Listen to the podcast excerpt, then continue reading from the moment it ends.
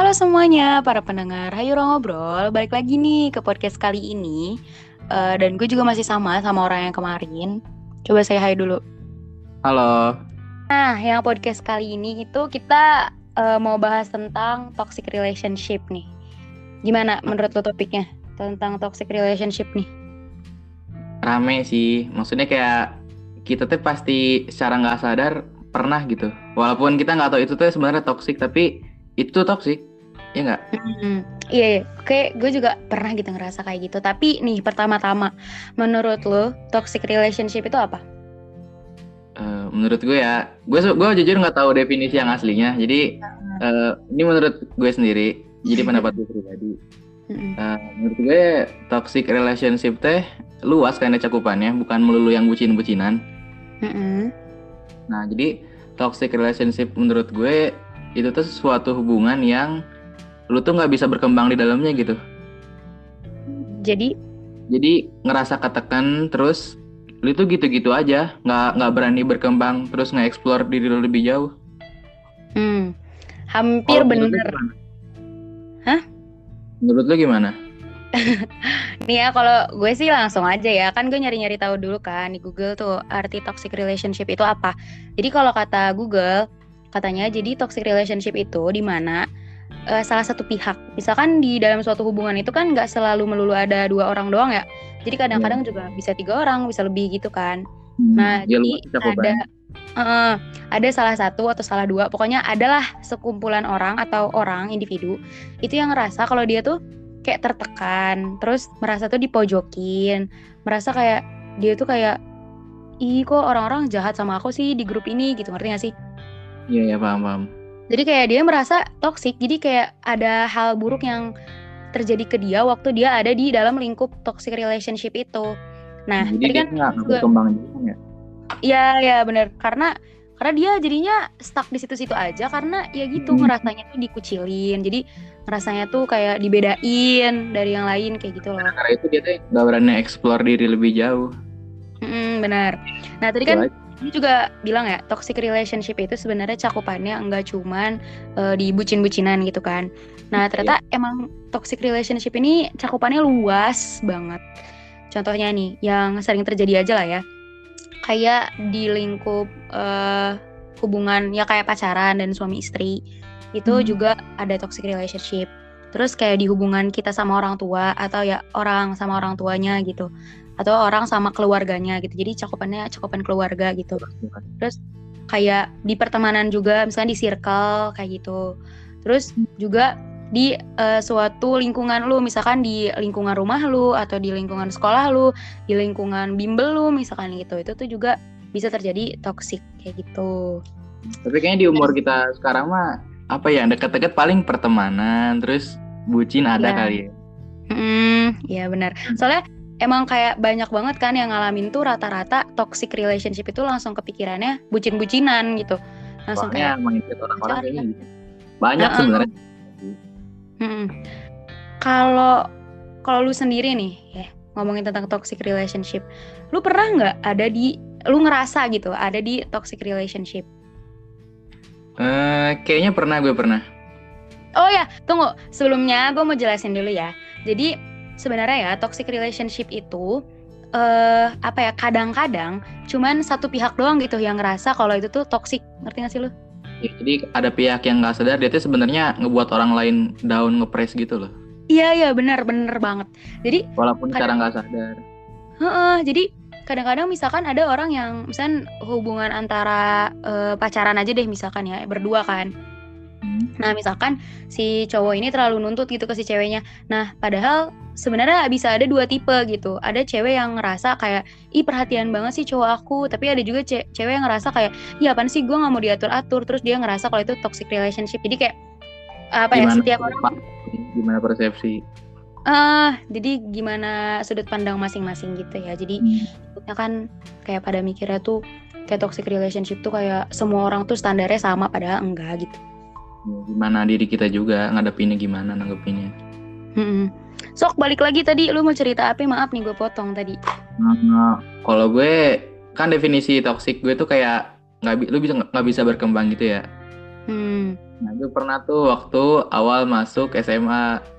Mm-mm, kenapa tuh? Gue tuh kayak join-joinan circle gitu. Mm-mm. Menurut dalam pandangan gue, circle ini tuh kayak dominan. Mm-mm.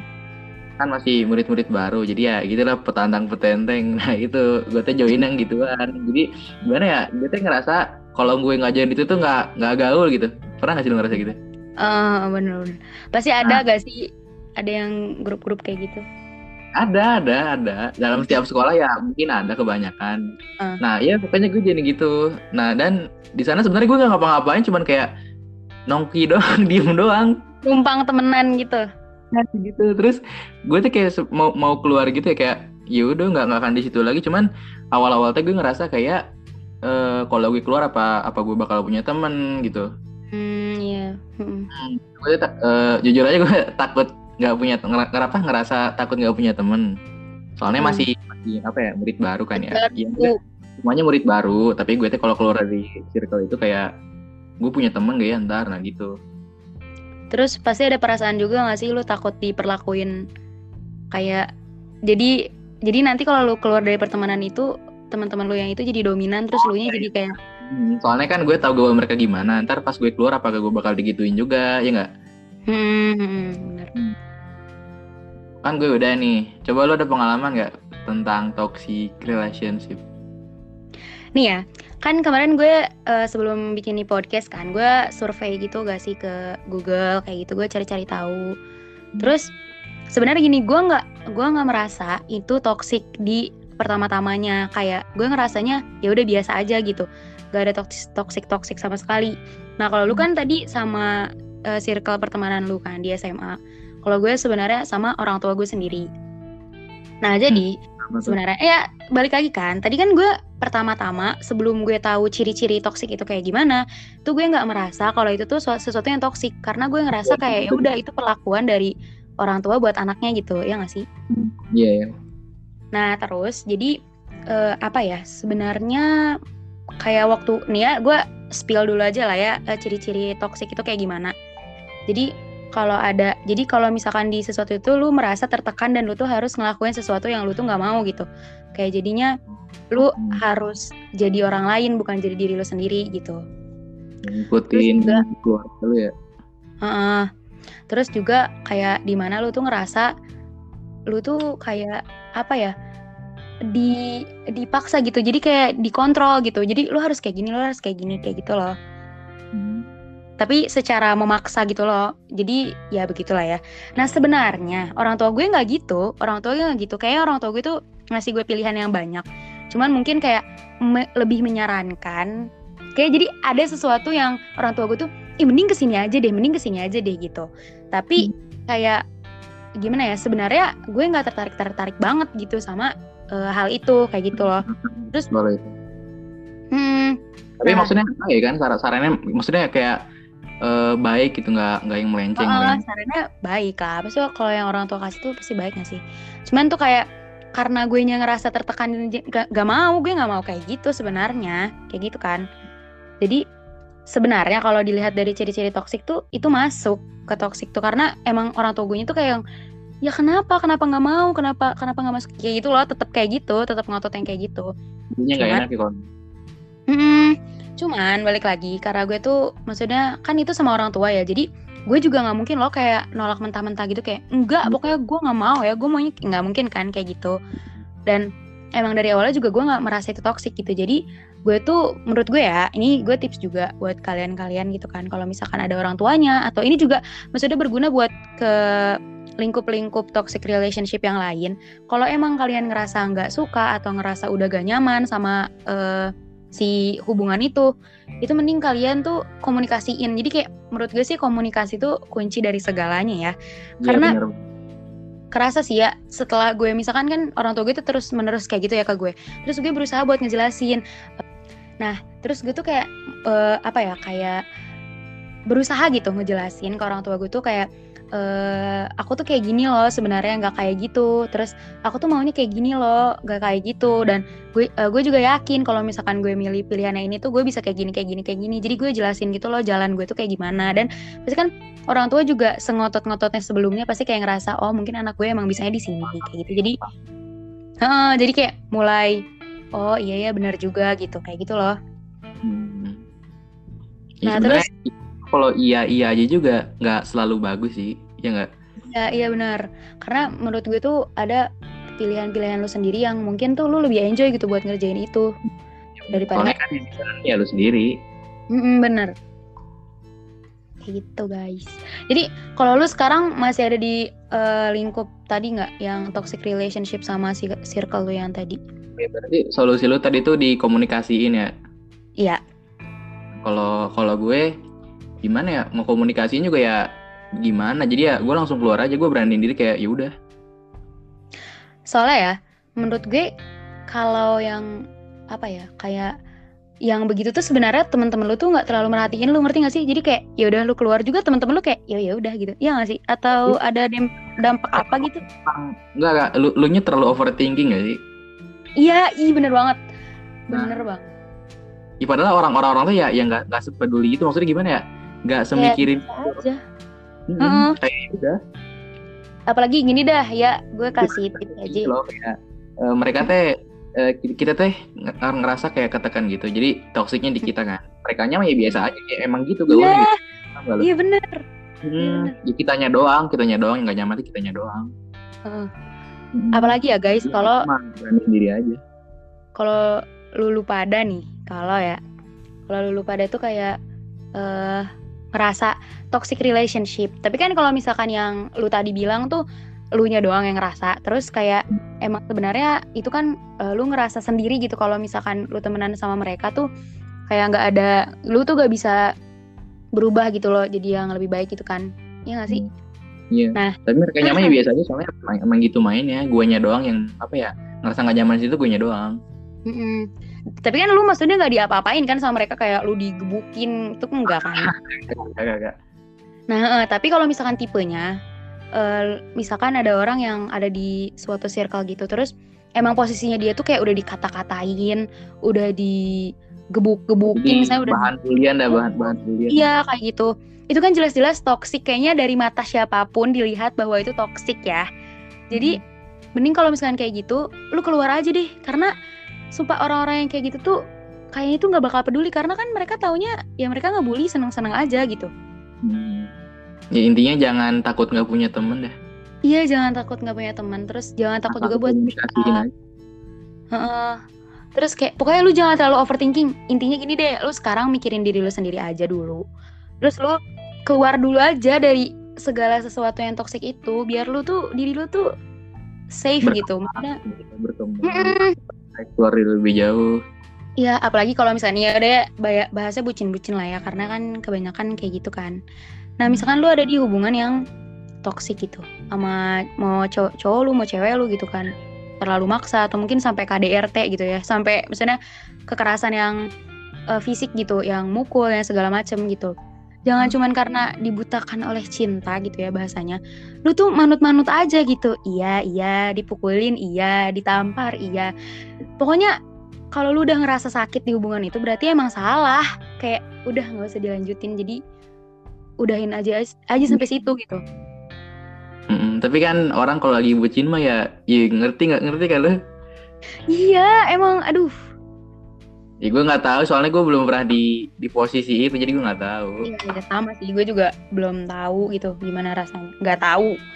Cuman jadi mungkin kan kalau misalkan lu pada tuh pokoknya gitu deh kalau udah ngerasa maksudnya lu tersiksa atau tertekan di dalam satu hubungan itu tuh kayak pasti gak sih kalau maksudnya gue mikirnya kalau misalkan emang udah ke tahap yang parah gitu kayak toksiknya tuh udah sampai kayak ke fisiknya kayak dipukulin digebukin sampai memar-memar atau gimana. Nggak mungkin gak sih nggak kerasa kayak woi gue tuh sakit gitu. Pasti kerasa gak sih? Kerasa. Soalnya ngebekas juga misalnya kayak kalau KDRT kan biasanya parah kayak nampar mukul gitu kan ada bekas Mm-mm. Kayak mungkin bisa ya diselesain dengan komunikasi. Mungkin masih bisa. Cuman kayak mm. Enggak, enggak, enggak, enggak. Udah kalau lu punya cowok atau cewek yang kayak gitu sama lu itu salah. Udah, tinggalin. Pokoknya. Tapi kalau udah nikah makanya pertimbangannya banyak sih. Gimana anak lu di mana? Banyak. Hmm. Tapi kalau ya, yang sekitar-sekitar circle kita mah kayak ya paling juga nggak nggak ada mungkin nikah di ini sih jarang sih jarang kasusnya kalau di umur kita udah nikah nikah. Iyalah. Hmm, sekarang kan maksudnya banyaknya yang pacaran kan siapa tahu. Ah, iya, gitu. Banyaknya pacaran terus ya hmm, dengerin siapa tahu eh iya ya padahal pacar aku selama ini suka pukul-pukulin aku apa aku bo dibodohi selama ini. Ya bisa jadi.